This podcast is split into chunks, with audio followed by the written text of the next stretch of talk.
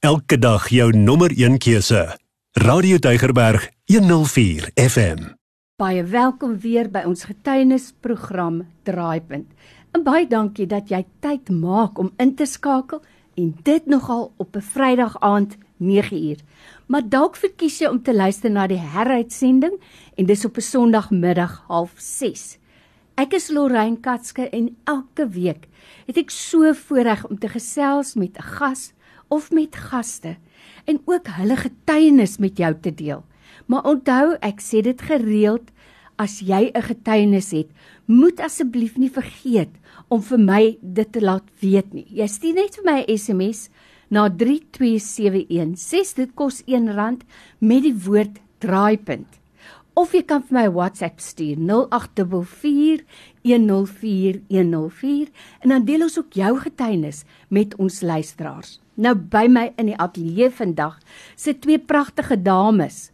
Ek kyk na julle twee en julle lyk so susters, maar dan kyk ek na jou Warna en jy lyk vir my soos iemand wat nou pas uit die skool uit is. En dan moet ek hoor jy het 'n dogter van 14. Julle lyk goed en ek is seker dis die vreugde van die Here.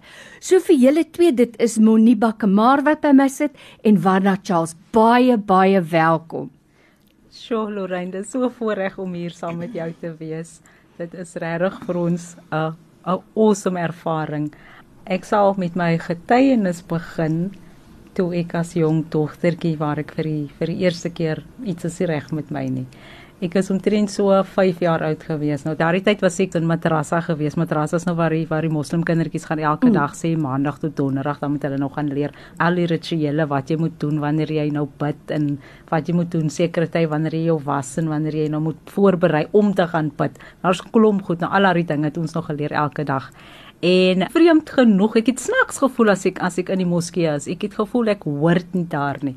Ek kan nie beskryf is asof dit 'n gevoel van hitte was, soos iets wat my uitdryf uit die plek uit.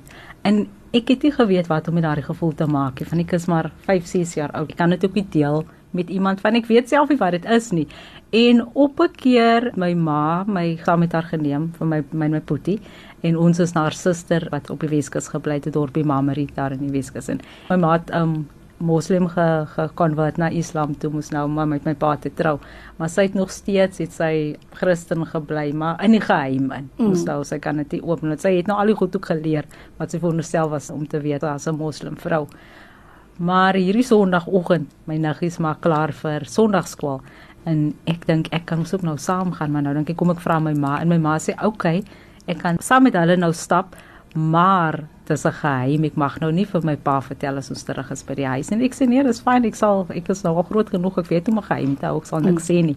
En ons loop maar nou soos ons loop, as ek so 'n bietjie sien die agter van ek dink, ah, dis seker maar nou dieselfde plek wat ek na toe gaan elke dag. Hulle leer seker maar vir jou wat om te doen mm. en hoe en wat en waar.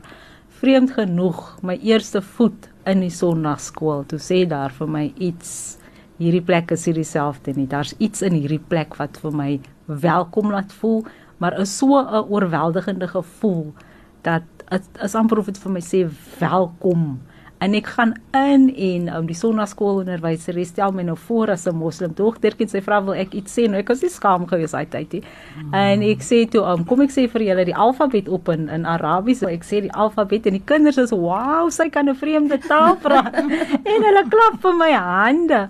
Maar ek dink dan toe joh julle julle besef hoe bevoorreg julle is wat wat julle sit hier so julle leer sulke lekker goed. Julle die juffrou um, lees vir julle uit die Bybel uit. Hier's iemand wat ek van hoor nou vandag Jesus ek wonder wie hy en ek is maandag terug alles gaan nou maar weer aan soos normaal se jare het maar verbygestap ek het hierdie gevoel maar vir myself gehou maar nog steeds daai gevoel is nou is nog sterker as voorheen. Daardie gevoel sê vir my ek hoort nie in die plek wat ek elke dag na toe gaan nie. Maar ek kan nou waar hoort ek kan as ek kan nou nie hierso hoort nie. En so te jare aangestap toe ek op hoërskool is en in graad 9 gaan ek kan nie onthou vir watter rede nie, maar ons kom weer by 'n kerk. En in die kerk in wat ek weer instap, is daar dieselfde gevoel. Nou ek gaan die verhaal eers hier stop by my in die ateljee vandag het ek verwar na Charles en haar ma is ook hier Moniba Kamar hier kom jy nou as 'n kind in graad 9 wat nou al verstand begin kry en jy kom weer in 'n kerk en daai gevoelens kom terug. Vertel ons. Daardie gevoel is is so sterk op daardie oomblik dat ek agterna besef dat ek kan nie moslim wees nie. Geloof voel net nie vir my reg nie. Maar iets wat ek vroeër nou toe ek nog jonger was, ek was ek gaan nou 'n bietjie terug op die verhaal, maar ek was tussen sê 10 en 12 jaar oud ja. Toe um, het ek iets by my ma opgelet. My ma doen sekere goed wanneer my pa nie by die huis is nie. Sy toe gaan in haar kamer in en dan sluit sy die deur. En ek wonder hoekom, maar ek vra maar nou niks vir haar nie.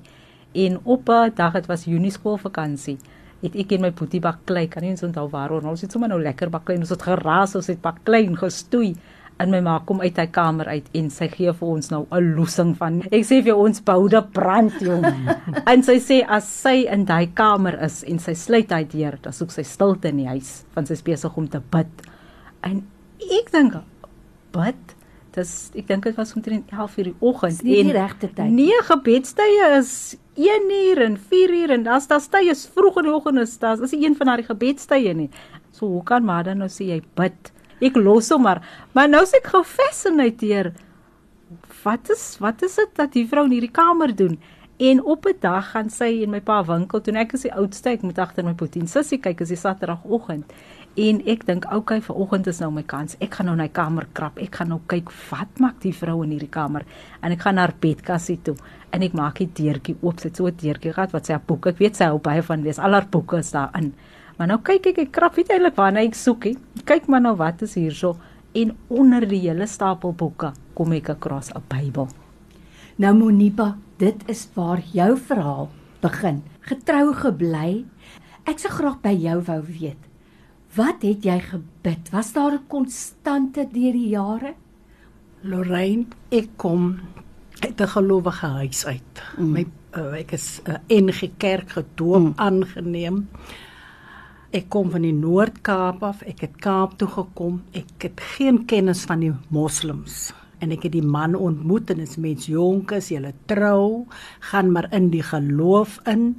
En soos die jare het ek nou gekom by die punt jy moet 'n skafie op jou kop, jy moet jou toe maak, jy moet alles moet toe wees. Jy beginne die geloof wil jy nou aanneem. Mm. Maar kom ek vir u sê, in die geloof het ek hulle boeke beginne lees omdat ek 'n leser is, was ek nuuskierig. Mm. Maar niks gevind daar in nie. Vir my was dit leeg. Ek weet as ek by my God huil, ek huil daagliks voor hom. Ek sê ek het 'n fout gemaak. Nou straf jy vir my, wat moet ek doen? En ek het maar my pad saam met die Here. Somstyds was ek vir die Here kwaad en somstyds was want ek het twee kinders aan die doodhoek afgestaan mm. en ek het gevat dit is my straf mm. wat God op my sit. Nie maar dit is ook nie 'n God wat straf nie. Maar so het ek maar my pad geloop en in my hart, dit was die begeerte van my hart mm. om vir God te dien. En dit was verskriklike moeilike jare. Want hier's nou 'n huwelik. Mm. En Lorraine een oggend soos my dogtertjie getuig, het ek maar vir God in die kas gehou. Maar in my hart was God. Mm. Ek dit was 'n verskriklike verskriklike tyd Lorraine wat ek deurgegaan het. Maar weet Lorraine, God was genadig vir my. Sy hand was dit nie vir God nie. Dan het ek opgegee. Ek het verskriklike baie dinge moes ek deurgaan. Mm. Maar ek het altyd lig in my donker tonnel gesien. Mm. Daar was altyd 'n lig. God se hand was altyd op my. En ek het altyd vertrou dat die God my gaan deurdra. Mm. Ek het gehuil by hom tot ek by die punt gekom het wat ek vir hom kon die waarheid vertel. Mm. En hy wou nie dit Mm. Hy wou dit sê dan moet ons maar kom dat ons apart gaan. Mm. Hy wou dit ook hê en hy het by my gebly. Maar God was nog altyd in beheer Lorraine. En daar's baie dinge wat ek kan mm. gesels oor dit, maar die belangrikste wat in my lewe gebeur, ek sê God, hier is 'n storm. Maar ek loop in die storm wetend God hou my hand vas. Dis wat vir my belangrikste. Mm en ek vertrou op hom mm. want hy is my alfa, hy is my omega, hy is my begin, hy is my einde. En dit verstaan my man nie. Maar ek prys God. Dat dit 'n voorreg is om vanoggend hier te sit. Dit is 'n voorreg om my dogtertjie. Ek het altyd gesê, Here, ek het hulle nie groot gemaak van moederskoot af met jou woord nie, maar wanneer ek sien nog net sy hand op my en my kinders en ek sê vir hom alle lof en alle eer. Amen. Nou Warna, hoe het jou pad gekom by jou draaipunt en jy het selfs 'n boek geskryf. Vertel vir ons dit nou. Meer as 'n jaar terug het die Here dit sterk op my hart gelê om 'n boek te skryf. Ek het altyd toe ek um, jonger op skool was, het ek gediggies en so geskryf. En dan sê die kinders, "Wow, jy kan skryf." Maar ek het nooit regtig ag, is maar sulke goedjies wat 'n mens neerskryf. En ek het in my werk en ek wou my werk opgegee het van ek het nie gehou van die dinge wat ek daagliks moes doen by die werk het. Dit was teenstrydig met my mm. met my beginsels. En elke keer is daar 'n skrif wat die Here op my hart. Wat wat as ek as ek huil voor die Here, Here, ek kan nie meer die goed doen nie. Die goed, ek moet elke keer om ek bely vir die goed wat ek doen. Mm. En dan gee die Here vir my hierdie skrif Jeremia 36 vers 2. Vat vir jou boekrol en skryf mm. daarop al die woorde. Ai ai. En jy was nou gehoorsaam om dit mm. te doen.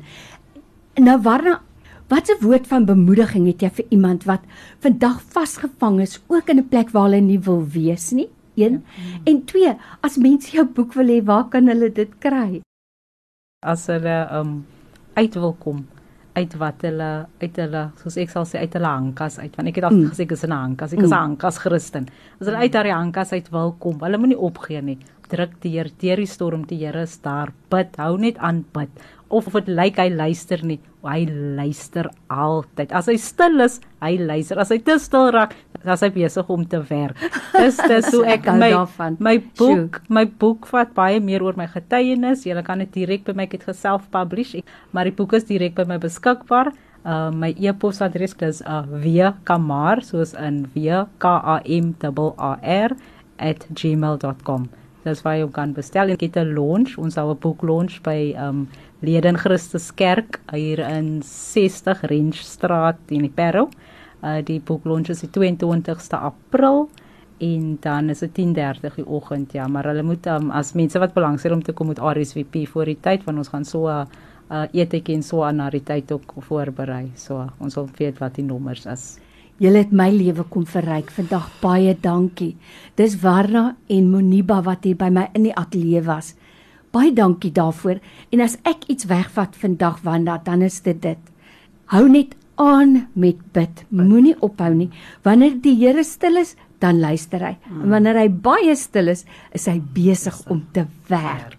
Baie dankie daarvoor. Seën vir julle. Jy is ingeskakel op Radio Deigerberg 104 FM.